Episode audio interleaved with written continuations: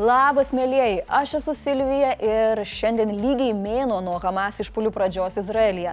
Tad nuo to ir pradėsiu šią žinias. Šiandien Izraelyje minima gedulo diena. Praėjo lygiai mėno nuo kraupaus Hamas smogikų išpolio prieš Izraelį, pareikalavusio daugiau kaip 1400 žmonių gyvybių. Dar 240 žmonių buvo paimti įkaitais, iš jų 37 vaikai. Hamas teroristai skelbė, kad žuvusiųjų skaičius gazos ruožė jau viršijo 10 tūkstančių. Apie 70 procentų žuvusiųjų buvo vaikai, moteris ir pagyvenę žmonės. Dar apie 24 tūkstančiai žmonių sužeisti.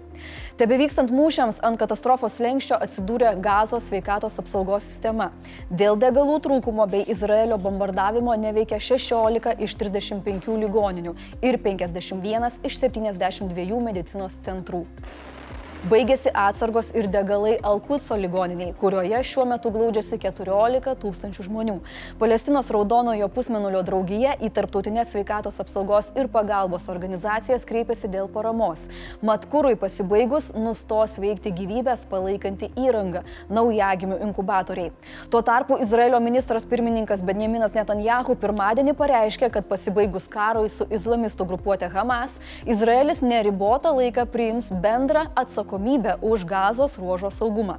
Sunku pasakyti, ką jis tiksliai turėjo omenyje. Pasak BBC tarptautinių naujienų redaktoriaus Jeremy Boweno, tai galėtų reikšti panašią gazos okupaciją kaip vakarų krante, kur palestiniečiams priklauso kontrolė tik savivaldos lygmenių, o izraeliečiai savo nuožiūro vykdo įstatymus ir palaiko tvarką. Tačiau po šio karo labai maža tikimybė, kad palestiniečių institucija bus linkusi bendradarbiauti su izraeliečiais. Jau lab, kad pačiame vakarų krante, kur karo veiksmai veiksmai nevyksta, per pastarąjį mėnesį Izraelio pajėgų arba per naujakurių išpolių žuvo daugiau kaip 150 palestiniečių. Naftos į ugnį papilsto ir Irano prezidentas Ebrahimas Raisi. Pirmadieniais apkaltino Junktinės valstijas, skatinant Izraelį žudyti ir vykdyti žiaurius veiksmus prieš palestiniečius gazos ruožę. Panašu, kad regione dislokuotas amerikiečių povandeninis laivas, galintis nešti brandolinį ginklą, jam nemotais. JAV taip pat nekreipia dėmesio į blogio ašies girgždį girgždėjimą jų pusėn ir viena ranka planuoja Izraeliui perduoti tiksliųjų bombų už 320 milijonų JAV dolerių, kita labiau spaudžia apsaugoti civilius gyventojus gazos ruožė. Tuo tarpu JAV valstybės sekretorius Anthony Blinkenas atvyko į Japoniją dalyvauti didžiojo septyneto užsienio reikalų ministro susitikime, per kurį bus siekiama bendros pozicijos dėl gazos ruožo vis daugėjant raginimų skelbti paliaubas Izraelio ir Hamas kare. Praeitą mėnesį už humanitarnės paliaubas paliaubos balsavo tik Prancūzija. Prieš buvo JAV likusios šalis susilaikę. Net jeigu šį kartą galingasis septynetas vienbalsiai paragins nedelsiant sudaryti humanitarnės paliaubas, tas raginimas vis vien bus neįpareigojantis ir bendro pobūdžio. Reiškia lygiai tiek pat, kiek gilus, stiprus ar dar koks nors ten susirūpinimas. Nu, vad praktiškai, nu nieko, ne? Nieko. Iš pat ryto netylamas kolių žviegimas. Ukraina vėl testuoja okupantų oro gynybą Kryme. Sprogimai buvo girdėti Sevastopolyje, Sakose, Novofedorivkoje, pasak persigandusi orkų, link pusėsalio artėjo 17 dronų, bet visus jos pavyko neutralizuoti. Kiek tame yra tiesos, sužinosime kiek vėliau, kai internete pasklis atakos padarinių nuotraukos. Panašiai kaip po ukrainiečių atakos Kerčias laivų statykloje, kur orkai visas raketas numušė, o vieną iš jų su kariniu kariniu laivu Askold, galinčiu gabenti kalibrų raketas. Jo prisijungimą prie kreiserio Maskva flotilės patvirtino Volodymyras Zelenskis. Linksminosi ukrainiečių dronai ir Taganrogė. Pareičiais ten buvo girdėti galingi sprogimai. Pasak Mariupolio mero patarėjo Petro Andriuščenkos, Taganrogo aerodrome po sprogimo dega sraigtasparniai. Karo nusikaltelis Igoris Girkinas Trilkovas, sėdėdamas Belangėje, toliau kritikuoja Rusijos armiją ir vadovybės veiksmus. Pasak jo, iki 24 pavasario Rusijos Rusijos paėgos bus dar mažiau pajėgios vykdyti puolamasias operacijas nei dabar, o papildoma vakarų karinė pagalba ir mobilizacijos toka bunkerinio karalijoje gali leisti Ukrainai nutraukti pozicinį karą ir 24-ais vykdyti sėkmingas puolamasias operacijas. Labai džiuginanti analizė, tik įdomu, kokiais informacijos šaltiniais remiantis jis ją atliko. Gal iš kokių laikraščių skiaučių, kurios vietoj to lėtinio ruskinė naudojamos. Hm. Panašios diskusijos cirkuliuoja ir Mordoro karo tinklaraštininkų feeduose. Ne, ne apie tualetinį, apie tolstančią Mordoro pergalę šiame kare. Analitikai tuose blėniuose išvelgia tapatybės krizę Rusijos visuomenėje. Jiems sunku apsispręsti, ar norint būti rusu užtenka kalbėti rusiškai, mylėti Putiną ir lakdektinę, ar buretas yra rusas, ar buretas yra buretas.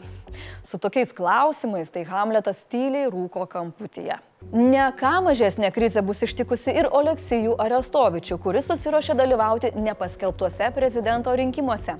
Nors Volodymyras Zelenskis ir sakė, kad dabar nėra tinkamas metas rengtis rinkimams, o būtina sutelkti dėmesį į kovą su įsibrovėliais iš Rusijos. Arestovičius savo priešrinkiminę kovą jau pradėjo. Paskutiniu metu jis negaili kritikos Ukrainos prezidentui, bandys pasinaudoti jo silpnybėmis ir vis stiprėjančiomis pesimistinėmis nuotaikomis karo atžvilgių. Tačiau apklausos šiuo metu sako, kad rinkimus jis galėtų laimėti nebent visuotinės ukrainiečių hipnozės pagalba.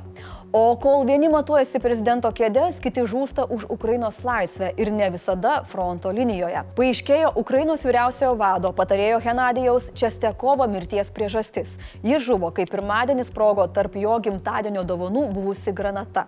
Policija jau nustatė mirtiną dovaną padovanojusio kario tapatybę ir konfiskavo dvi panašias granatas. Šiuo metu atliekamas tyrimas.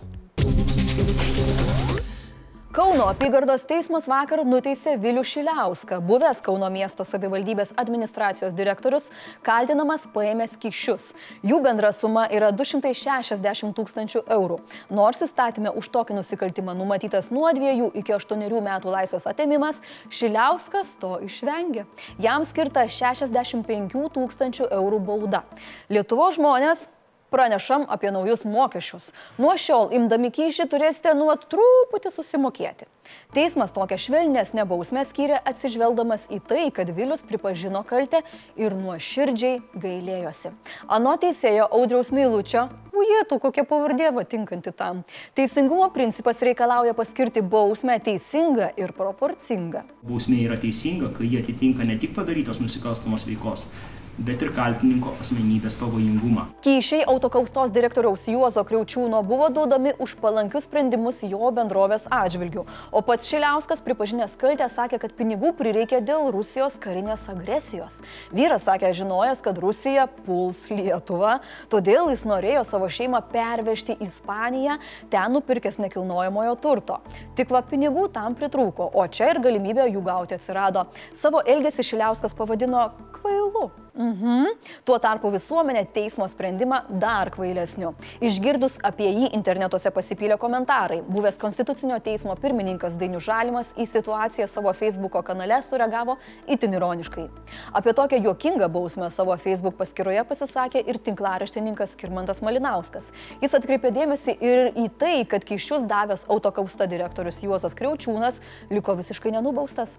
Taip nutiko dėl to, nes jis apie kyšį pranešė. Jis Jis taip pat dalyjosi ir kitomis tinkamai nenubaustomis korupcijos bylomis ir savo įrašą užbaigė klausimu, kągi mes galime padaryti dėl pokyčių teisės saugoje. Tai kaip manot jūs? Ar mes galime padaryti įtaką tokiems sprendimams ar ne?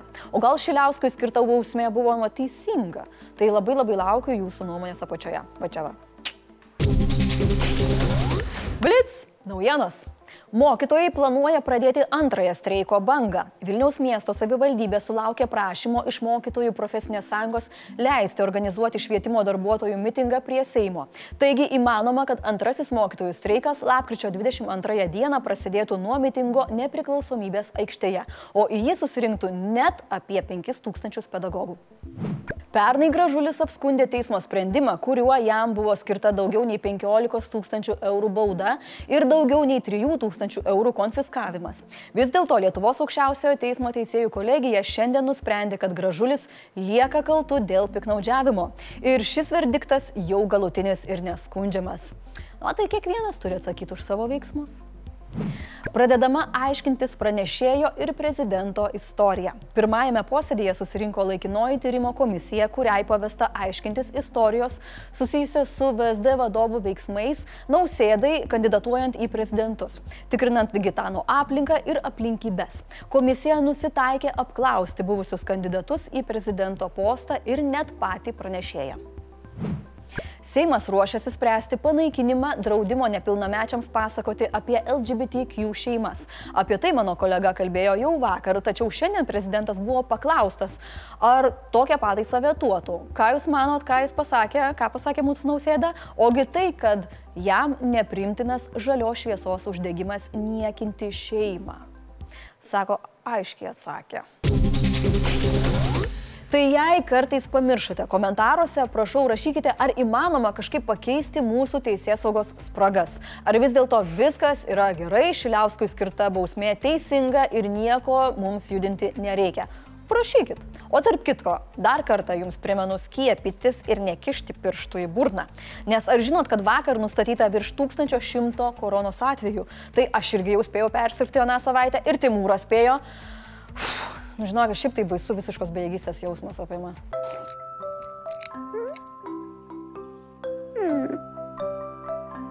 Komentarų metas. Mūsų žiūrovas Epodys 9815 klausia, kada grįž Eglė, nes va horoskopai jų sutampa. E, tai labiau norisi spausti like, kai ji būna. Pasitikrinau, tikrai neblogas vandenių suderinamumas. Bet tai ką, tai jeigu Eglė negrįž, tai visai nespaustum like, bet aš tikrai žinau, kad jinai grįž, lauk.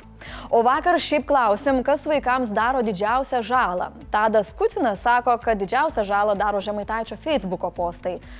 Nu, šiaip tai jo, ten niekaip nepavadinsi gerų švietimų, jau tikrai. Tai ką, aptarėm reikalus, o dabar atsisveikinu iki kito karto. Čia, ate buvo Silvija. ate, čia buvo Silvija.